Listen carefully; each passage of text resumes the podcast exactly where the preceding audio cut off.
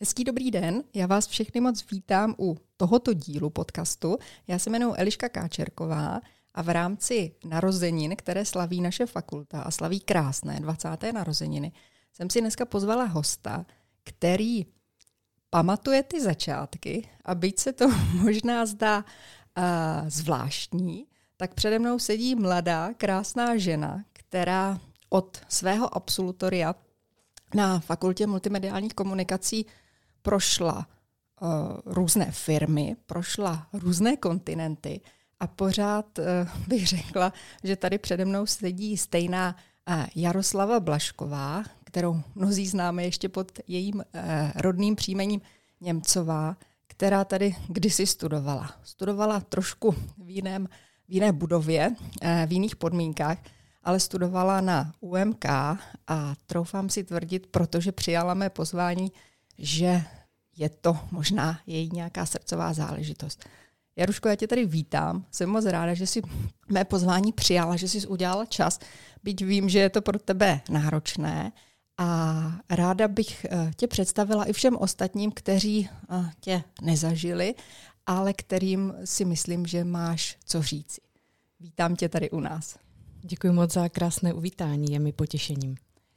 Já bych byla ráda, kdyby Jaruška asi ne zrekapitulovala, zrekapitulovala těch, těch 20 let, které, které nás dělí od e, toho začátku e, fakulty. Ale možná, kdyby vybrala nějaké nejdůležitější milníky, které její život asi nějakým způsobem spojují s Ústavem marketingových komunikací a řekla nám, proč třeba jsou pro ní důležité. Já musím říct, že ten úplný začátek, kdy jsem začala studovat v roce 2001, tenkrát ještě na Institutu reklamní tvorby a marketingových komunikací, tak to byla pěkná divočina, protože spousta pedagogů na fakultě, řekla bych, ani nebyli opravdičtí pedagogové, ale byli to lidé z praxe, kteří v podstatě z voleje vyučovali něco, co dělají v práci. Takže jsme přišli, nikdy jsme nevěděli, někdy jsme nevěděli tedy, co nás čeká v té hodině a poslouchali jsme o tom, jak se natáčí reklama, e, ukazovali nám reálné rozpočty a my jsme jenom s vyvalenýma očima seděli a hltali každé slovo. Protože ta praxe, to bych řekla, že od začátku byla na této fakultě ta největší deviza pro studenty. A jsem ráda, že to do velké míry zůstalo zachované i dneska a že i dnes se studenti setkávají s odborníky z praxe a mohou tak přirozeným způsobem čerpat tyto zkušenosti. A druhá Taková věc, kterou jsem si na fakultě vždycky velice cenila už od těch začátků, byla možnost komunikace se studenty z výtvarných oborů, protože ve své následné praxi jsem opravdu mnohokrát využila jednak kontakty, ale tak i v podstatě praktické poznatky ze spolupráce třeba s grafiky, s fotografy a musím říct, že mi to nejednou hodně zjednodušilo život potom v, následné, v následných životních situacích v té práci. No a když se Eliška, nebo když se Eliško ptáš na, na tu moji kariéru nebo ty začátky, tak já bych možná měla takové malé doporučení, které vychází z toho, jak jsem tu svoji cestu procházela. A to je, že jsem začala v reklamní agentuře. Snažila jsem se naučit řemeslo a byly to začátky krušné a náročné. Pracovali jsme i přes noc, hodně se cestovalo, dělalo se na náročných projektech pro velké klienty.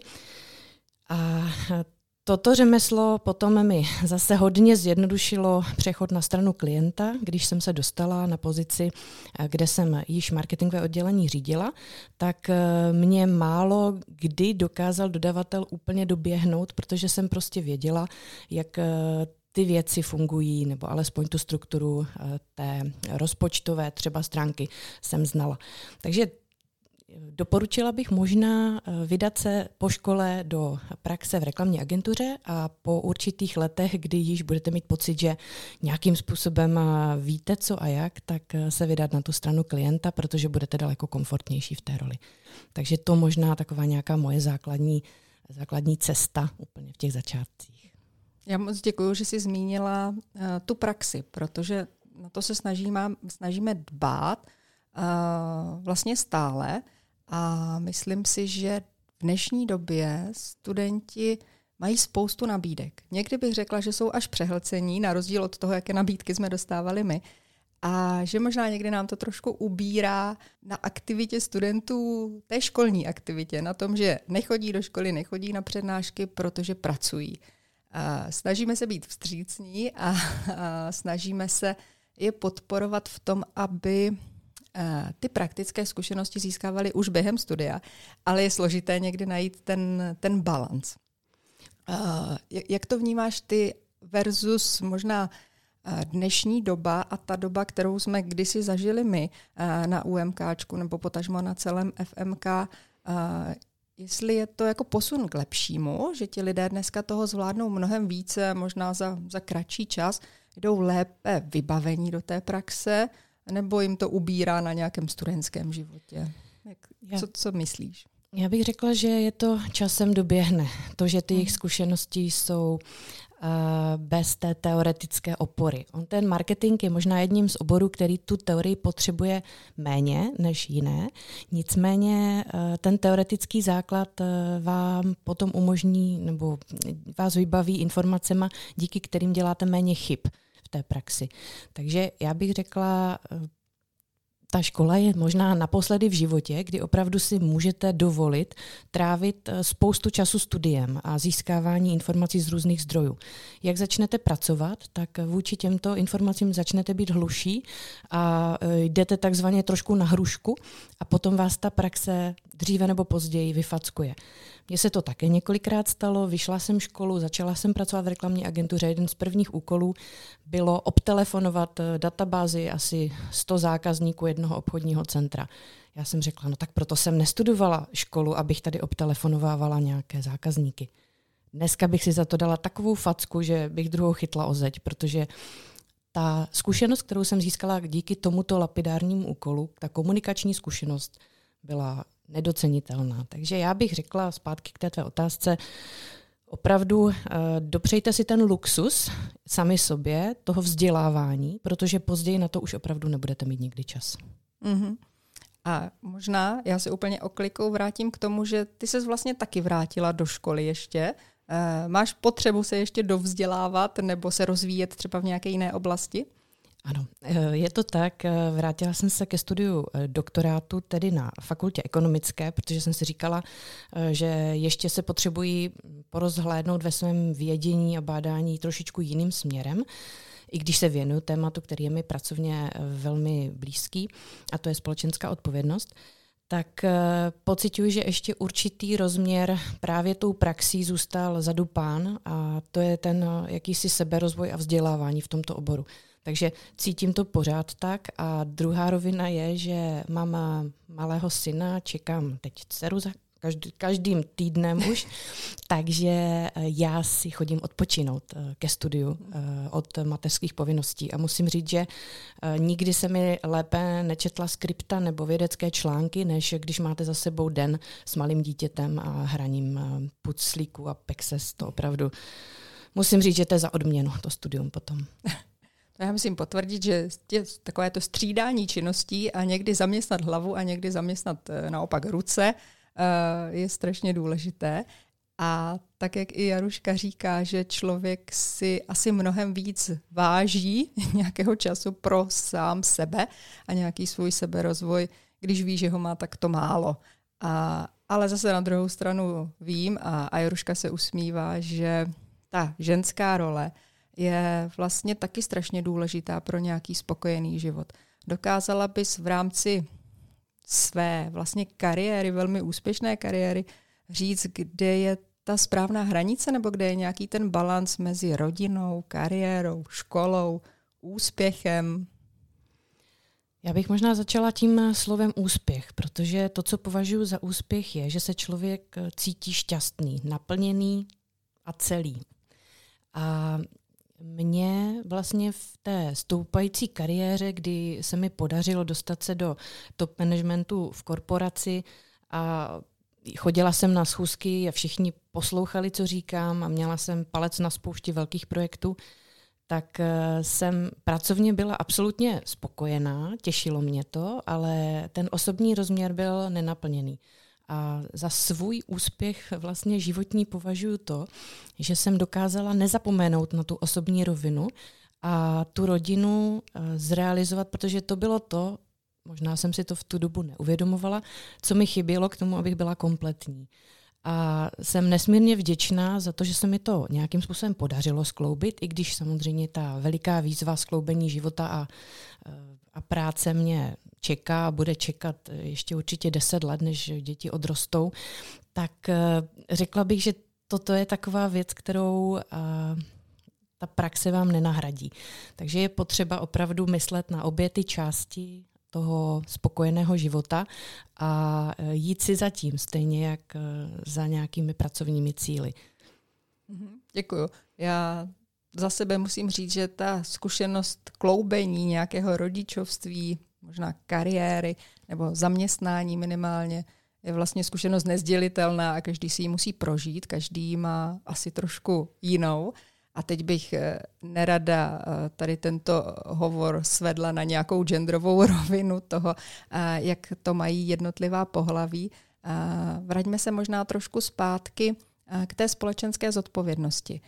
Jak vnímáš třeba vůbec oblast marketingové komunikace, na kterou se soustředí náš obor a, a její přesah do nějaké teď nechci použít to slovo společenská odpovědnost, ale do uh, nějakého přístupu nás, jednotlivých lidí, ke společnosti, k tomu, jak důležitý je marketing, potažmo marketingová komunikace a jestli si dokážeme jako obhájit sami před sebou, že děláme důležitou věc pro tu společnost. Já možná, Eliško, začnu úplně tím prvotním motivem, proč eh, jsem společenskou odpovědnost vní, začala vnímat jako důležitou součást marketingu. Protože každá společnost, pro kterou jsem pracovala, tak eh, vyžadovala pochopitelně tvrdé marketingové řemeslo. To znamená katalogy, veletrhy, uspořádávání eventů, eh, spoustu věcí ohledně strategie komunikace.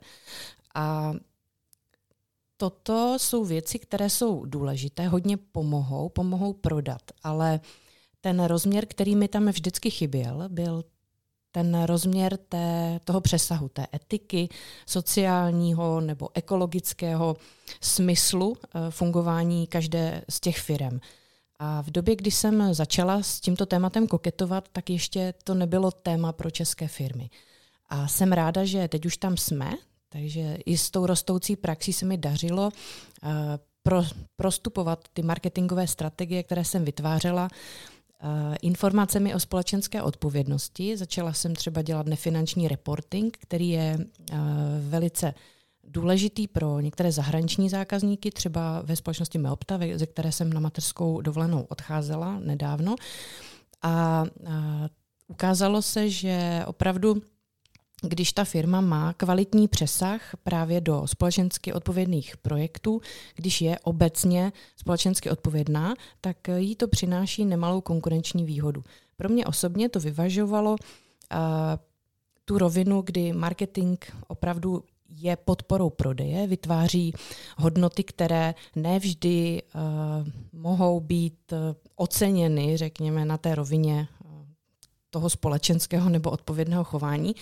A pro mě právě tento rozměr byl uh, něčím, co mě uspokojovalo v té mé práci, takže jsem měla radost, když vždycky, když se podařil zrealizovat nějaký projekt, který byl potom obecně prospěšný. Uh-huh. A cítíš tady nějaký vývoj třeba v rámci české společnosti, potažmo možná evropské společnosti, uh, že se vyvíjíme, a teď nechci říct tím správným směrem, ale že se zkrátka vyvíjíme a vnímáme uh, věci ohledně marketingu, uh, věci ohledně nějakého celospolečenského prospěchu jinak, než třeba my před těmi 20 lety, kdy jsme tady studovali? Já myslím, že jednoznačně je to cítit ze strany zákazníků. Zákazníci eh, s větší mírou už třeba preferují produkty, které v sobě mají nějakou ekologickou stopu. Eh, dříve nebyly ekologické pleny, teď já zase ze svého života promítám nějaké zážitky, nebo eh, kelímky na kávu jednorázové, které se dají uh, biologicky rozložit, anebo lidé si nosí třeba své obaly. Uh, máme tady bezobalové obchody. To znamená, ty produkty postupně uh, se začaly řekněme, prostupovat do toho našeho nákupního košíku a je vidět, že zákazníky to zajímá. Kdyby to zákazníky nezajímalo, tak eh, do toho ty velké firmy nejdou. A vidíme to opravdu u všech těch společností, nadnárodních korporací, že ty trendy se eh, v této oblasti promítají do toho jejich obchodního chování. Mm-hmm. Takže dá se třeba říct, že pro ty společnosti se teď rozšířila ta oblast, kde tu společenskou zodpovědnost mohou využít pro svůj prospěch, ale možná i využít pro tu komunikaci toho, že to dělají? Rozhodně ano a řekla bych, že je to jedno z velkých témat poslední doby. Skoro na každých webových stránkách větší firmy najdete záložku společenská odpovědnost nebo sponsoring nebo něco co souvisí s touto oblastí a ty firmy se chlubí těmito aktivitami, podporují zaměstnance třeba v těchto aktivitách, eh, takže všechno, všechno spolu souvisí a řekla bych, eh, že jednoznačně se to stává konkurenční výhodou a mhm. velkou nevýhodou, pokud eh, se tomuto tématu nevěnujete. Uh-huh. A je to oblast pro velké firmy, pro korporáty, tak jak jsi řekla, nebo i třeba pro malou lokální firmičku ve Zlíně? Já myslím, že velké firmy již, se ne, již si nemohou dovolit uh, toto ignorovat a malé firmy, pokud to umí uchopit, tak uh, je to velkou konkurenční výhodou. Takže můžou opravdu získat náskok uh, před podobně založenou nebo zaměřenou konkurencí, která ovšem tuto oblast neobsluhuje, ignoruje. Mm-hmm. Děkuju. A já bych teď možná přeskočila úplně k jinému tématu. Já doufám, že Jarušku nezaskočím, ale já jsem jí párkrát pozvala na workshop pro naše studenty, pro naše současné studenty a ona, když schrnovala svůj život, tak eh, její formulka, kterou používá a mi se strašně líbí, je, že eh, svůj život zbalila do kufru a odjela, odjela za oceán. Mohla bys nám o tom kousek stručně něco říci, jaké to bylo žít v kufru? No, můj život v kufru byl nejdřív velmi vzrušující a potom extrémně otravný. Takže já bych řekla, možná malinko musím říci úvod ze svého soukromí, protože já jsem žila, nebo do Zlína jsem se stěhovala z Prahy. Takže Pražačka přišla do Zlína, studovala tady školu, stěhovala jsem se za babičkou, ze kterou jsem 14 let žila.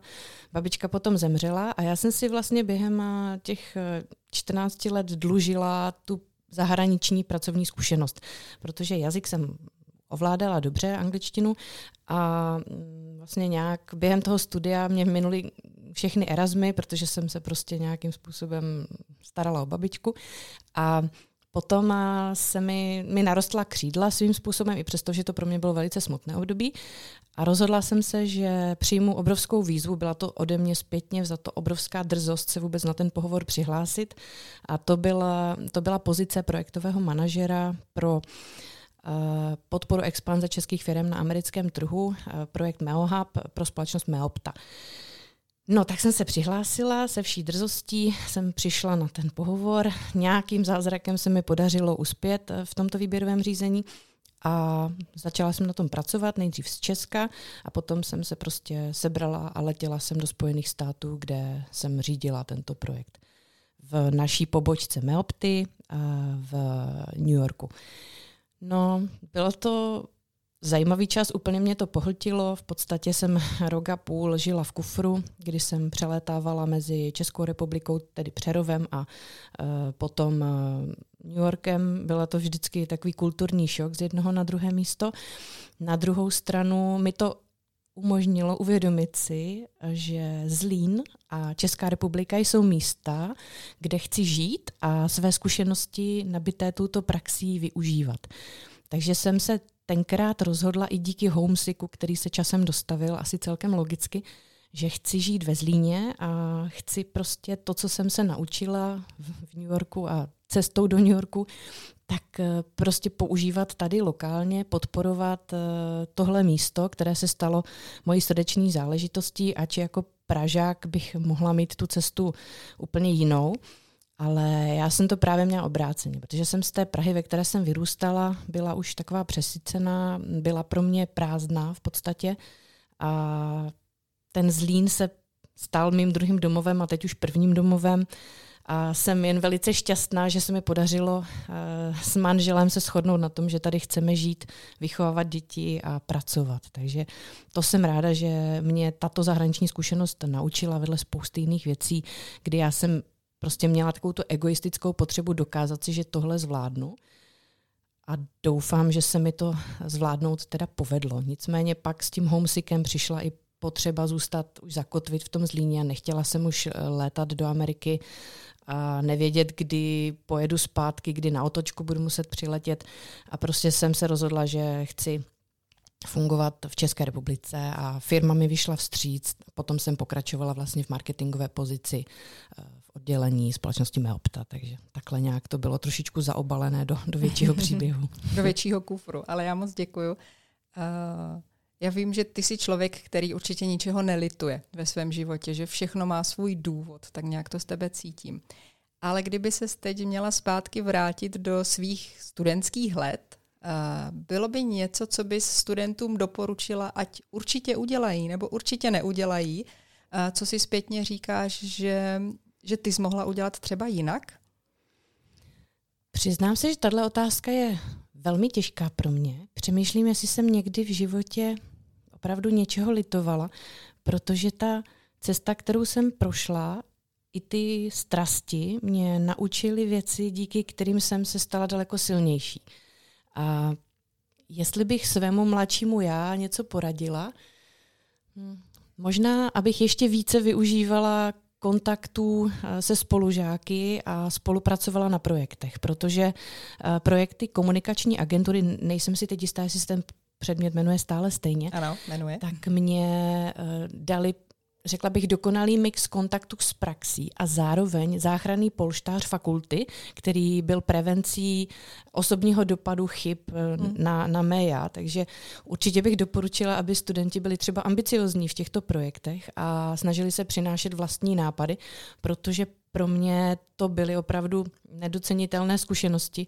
A i přesto, že jsem někdy uh, byla ve více než jednom projektu, tak každý z těch projektů mě někam posunul a nejenom tedy v praxi, ale i v komunikaci se spolužáky nebo kolegy, protože jsem byla tam poprvé v roli, kdy jsem někoho buď řídila nebo musela opravdu poslouchat.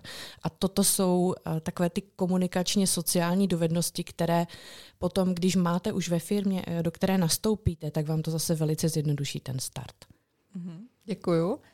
A možná jedna z posledních otázek. Uh, ty občas stáváš před našimi studenty, přednášíš jim.